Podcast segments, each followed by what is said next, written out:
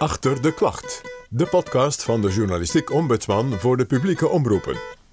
Ergens te veel of juist veel te weinig over berichten. Het is de meest voorkomende klacht bij de ombudsman. Wat zend je wel uit en wat doe je niet? Onze formule is verder heel simpel. Hoe beter de prestaties, hoe groter de aandacht. Waar besteed je als redactie je inspanning en je zendtijd aan? We hebben natuurlijk zelf wel een verantwoordelijkheid in. Mensen zomaar aan het woord laten die van alles beweren over een vaccin wat nergens op gestoeld is. Dat zullen we niet zo snel doen. In deze aflevering de nieuwskeuzes van twee grote redacties.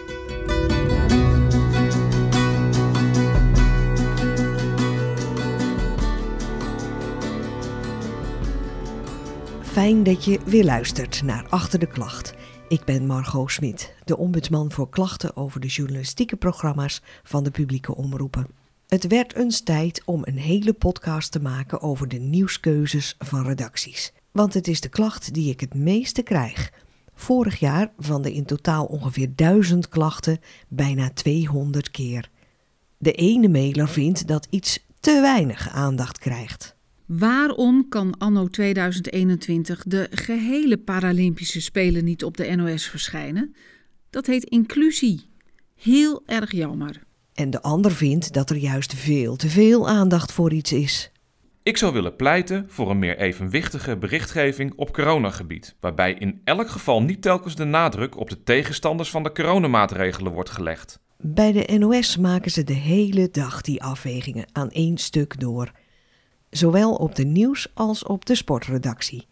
Welk nieuwsfeit krijgt hoeveel zendtijd? Wie laat je daarbij aan het woord? Het zijn geen persoonlijke keuzes van de journalisten. Ze doen niet zomaar wat. Samen met mijn stagiair Jet Zijp zocht ik de hoofdredacteuren van Sport en Nieuws op, want er valt genoeg uit te leggen. De vulkaanuitbarsting op het Canarische eiland La Palma is opnieuw heviger geworden. Geachte mevrouw Smit, bijna elke dag hoor je wel iets in het nieuws over de vulkaanuitbarsting op La Palma. Terwijl, als de Etna uitbarst, wat net zo heftig en nadelig is voor de omwonenden, het alleen maar in een nieuwsuitzending wordt gemeld. De informatie hierover is kortzichtig en niet gelijkwaardig. Steeds als er ergens een ramp of een aanslag is, komt dit type klachten bij mij binnen. Vroeger, vroeger werd er dan op nieuwsredacties wel geroepen het aantal slachtoffers gedeeld door het aantal kilometers vanaf Nederland. En als dat meer is dan één, dan doen we het. Grapje natuurlijk, de wereld is een dorp geworden en dit hoor je niet meer op redacties. Maar hoe doe je het dan wel? Jet vroeg het aan Marcel Geloof, hoofdredacteur van NOS Nieuws, de grootste nieuwsvloer van Nederland. Wat je vaak uh, in reacties van ons publiek ziet, is dat men inderdaad dit soort vergelijkingen maakte. Nu doen jullie dit en bij een ander moment wat toch hetzelfde lijkt, deden jullie iets anders en dat is niet goed of dat is niet logisch. Nou, dat klopt. Uh, journalistiek is geen wiskunde. Uh, wat voor ons een heel belangrijk criterium is, is uh, relevantie. We kiezen onderwerpen op relevantie. en andere dingen die een rol spelen zijn natuurlijk het totale nieuwsaanbod. Dat kan op een site of in een programma maar een beperkt aantal onderwerpen. Dus als er onderwerpen zijn die heel groot zijn en heel dominant zijn, dan, dan vallen andere onderwerpen over de rand die op een andere dag misschien wel aan bod komen. Zo kan je hebben dat we vorige week geen aandacht aan de Etna besteden en vandaag wel aan een andere vulkaan, terwijl het misschien op elkaar lijkt. Hanteren jullie ook nog de, de oude vuistregel, het aantal slachtoffers gedeeld door het aantal kilometers? Nou, niet als regel en niet als wiskundige benadering, als rekenkundige benadering, zeker niet. Maar het mechanisme dat iets wat dichterbij is eerder meer aandacht krijgt dan iets wat heel ver weg is. Dat is er natuurlijk wel en dat is natuurlijk logisch, uh, want we maken uh, nieuws voor een Nederlands publiek. Dus iets wat er in Nederland uh, gebeurt, beschouw je eerder als relevant dan iets wat aan de andere kant van de wereld gebeurt. Ja, terug in de verkiezingsstudio, waar we u laten zien de hele nacht wat er gebeurt in de VS de komende uren. Maar ook natuurlijk. Nog zo'n nieuwsonderwerp dat reacties oproept bij het publiek: de Amerikaanse politiek. Waarom geven we hier zoveel tijd aan in onze uitzendingen? Het is toch Nederland niet? Ik denk dat je wel een punt hebt dat de journalistiek daar in het verleden best onevenredig mee is omgegaan. Aan de ene kant is het wel logisch, want Amerika was of is natuurlijk jarenlang een hele dominante factor in de wereld. Door, door de grootte, door de grootte van de economie, door de politieke macht, door de militaire macht, door het wereldwijde optreden, door de connectie tussen onze cultuur en, en de eigen cultuur. Dus er zit veel logica in Maar ik herken wel dat daar eerder meer aandacht voor is, of veel meer aandacht voor is, dan bijvoorbeeld politieke ontwikkelingen in China. Niet alleen op de nieuwsvloer spelen die dilemma's waar het publiek iets van vindt, zeker ook op de redactie van NOS Sport. In het enorme aanbod van sportwedstrijden is het lastig kiezen. Hoezo altijd maar Ajax? Er is veel te weinig handbal. En waarom laat de NOS niet meer van Max Verstappen zien? Volgens hoofdredacteur Maarten Noter ligt er eigenlijk een heel simpel keuzemechanisme onder dat wat NOS Sport wil, kan en mag uitzenden. We zijn ook eigenlijk uh, precies hetzelfde als nieuws in de zin dat wij een journalistieke organisatie zijn, dat wij nieuwskeuzes maken dat doen we op een aantal manieren. Eigenlijk net zoals nieuws. Ik bedoel, als het, als het nieuws is, als Max Verstappen iets wint, dan heb je grote kans dat het ook in het journaal zit. Als er matchfixing is, dan heb je ook grote kans dat het van het journaal in het journaal is te zien, te lezen. Maar sportnieuws is ook nieuws. Dus die criteria zijn precies dezelfde. En verder werken wij, als het gaat om de keuzes van evenementen en van topsport en van contracten, want bij topsport horen vaak contracten, maken wij gebruik van de topsportpyramide zoals wij dat noemen. En dat betekent eigenlijk dat je uitgaat van wat is het belangrijkste. Olympische Spelen zijn het hoogste wat je kan doen. Wereldkampioenschappen, Europese kampioenschappen, Nederlandse kampioenschappen. Zo zak je af naar de onderkant van de piramide. Dus hoe belangrijker het is, hoe meer uh, aandacht eraan wordt besteed. Maar we zijn natuurlijk een Nederlandse organisatie. Dus als iemand in oranje het goed doet, dan is dat voor ons natuurlijk een extra criterium. Er zijn wel sporten die zo belangrijk zijn dat we er sowieso aandacht aan besteden. Of we er nou rechten van hebben of niet. Of we nou Nederlanders eh, in meedoen of niet. Wij zijn, dat is onze opdracht ook, van de topsport. Wij doen verslag van topsport en liefst met Nederlanders.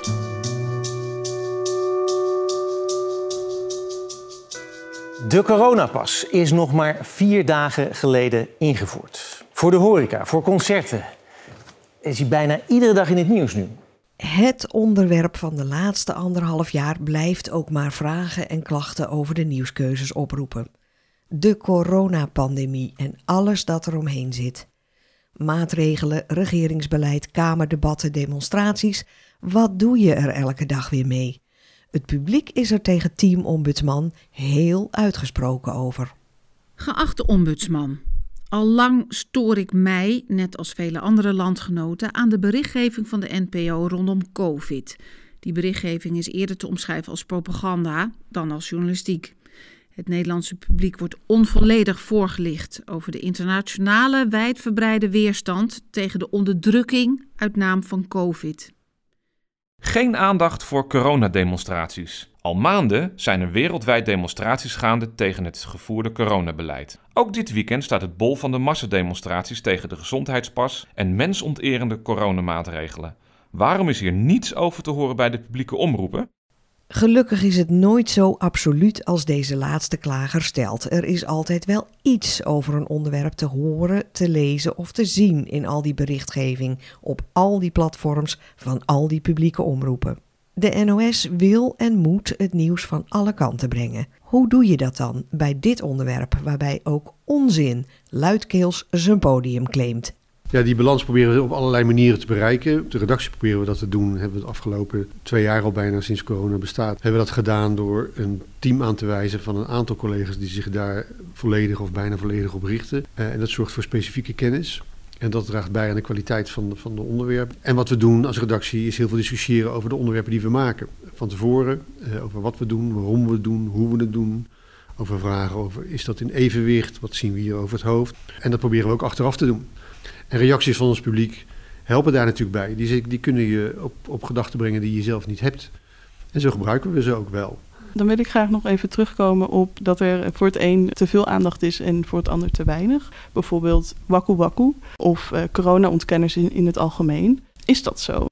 Ja, wij zoeken onze weg daarin door dat, wat ik zei, op relevantie en, en proportioneel te doen. En we hebben daar natuurlijk zelf wel een verantwoordelijkheid in. Mensen zomaar aan het woord laten die van alles beweren over een vaccin wat nergens op gestoeld is. Dat zullen we niet zo snel doen. De andere kant, wat we wel doen en wel gedaan hebben, is proberen iets te beschrijven van waarom ze dan zich niet willen laten vaccineren. Zonder dat wat ze zeggen, dat we dat tot feiten verheffen. Dus daar zoek je een evenwicht in. Maar ook wel vanuit het besef dat het ook wel extreme in de samenleving zijn. Hè. Een grote meerderheid, iets van 80%, heeft zich laten vaccineren. Dus staat daar blijkbaar achter. Dus we willen ook voorkomen dat hele scherpe opinies, dat die, laat ik zeggen, overdreven aandacht krijgen in het nieuws. En van net zoveel waarde lijken als een wetenschappelijk onderzoek. Je zoekt ook naar proportionaliteit daarin. En je probeert ook te voorkomen het lijkt alsof je een evenwicht bericht, terwijl dat eigenlijk dus niet zo is. Het blijft toch wel opmerkelijk waar de ene klager de NOS verwijt dat corona-ontkenners veel te veel aandacht krijgen, schrijven anderen dat de NOS het kabinet veel te veel ruimte geeft voor zijn standpunten. Waarom zendt de NOS toch die persconferentie steeds live uit? Het is echt een misvatting dat het onze taak is. Het is niet onze taak, het is onze journalistieke keuze. We hadden ook kunnen kiezen om het niet te doen. Dat, dat effect dat mensen dat misschien percipiëren als dat we de woordvoerder van het kabinet zijn, dat hebben we natuurlijk wel over gehad en dat realiseerden we ons, ons ook. Maar we hebben er toch steeds voor gekozen om het wel te doen, omdat we ervan overtuigd waren dat wat het kabinet daar vertelde, dat dat zo, voor zoveel mensen van belang was, voor zoveel mensen relevant was. Daar is dat woord weer. Dat het belangrijker was om dat wel te laten zien dan om het niet te laten zien om dat effect eventueel te bestrijden. Nieuwskeuzes maken was altijd al een balanceeract. Maar het lijkt wel of corona de meningen over die keuzes nog eens extra heeft uitvergroot. Dan kan je zeggen, als allebei de kanten klagen, en dat doen ze dus, dan bevoordelen we tenminste niemand. Maar dat is te makkelijk. Journalistiek is niet hij zegt iets en dan mag zij evenveel zeggen en zoekt u het maar uit, publiek. De NOS moet ook duiden wat klopt en wat nonsens is. De nieuwsredactie wordt dan vooringenomenheid of een eigen agenda verweten. Maar dat heb ik niet kunnen aantonen toen ik in 2020 uitgebreid onderzoek naar die coronaberichtgeving deed. Je kunt dat onderzoek overigens nog steeds op mijn website vinden: ombudsman.npo.nl. We zijn inmiddels een jaar verder. Er is geen dubbele agenda in de berichtgeving over corona. Wel wordt er natuurlijk dagelijks over de maatvoering, de woordkeus en de invalshoeken gesproken op de redactie. En soms geef je achteraf gezien iets te veel of juist te weinig ruimte. Haagse scholieren steken zonnebloemen in het Indisch monument. De plek van de jaarlijkse herdenking van de overgave van Japan in toenmalig Nederlands-Indië. Beste mevrouw Smit, met verbijstering neem ik kennis van het feit dat er rond de nationale Indië-herdenking nauwelijks twee uur aandacht is besteed aan trauma's en gebeurtenissen die zo'n 2 miljoen nazaten bezighouden. Het is typerend voor de journalistieke eenzijdigheid van de NPO. Ik hoop dat u als ombudsvrouw hier iets aan kunt doen. Met vriendelijke groet.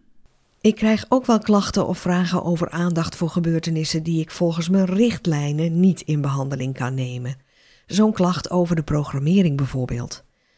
Als ombudsman kan ik alleen vragen en klachten behandelen die over de inhoud van journalistieke programma's gaan of over de werkwijze van journalisten. Over de programmering ga ik niet. Dat doet de NPO samen met de omroepen. Of het nu gaat over de hoeveelheid voetbal op tv, of de verplaatsing van een geliefd programma als Max in Beweging, zoals dat in het begin van de coronacrisis was. Maar ook vragen over uitzendtijden van documentaires, die vaak heel laat op de avond geplaatst worden. Of, zoals deze klacht, de aandacht voor bepaalde herdenkingen. Ik kan die klachten alleen maar doorsturen aan de NPO en aan de omroepen. En dat doe ik dan ook. Met het verzoek om in elk geval uit te leggen waarom die programmeerbesluiten genomen worden.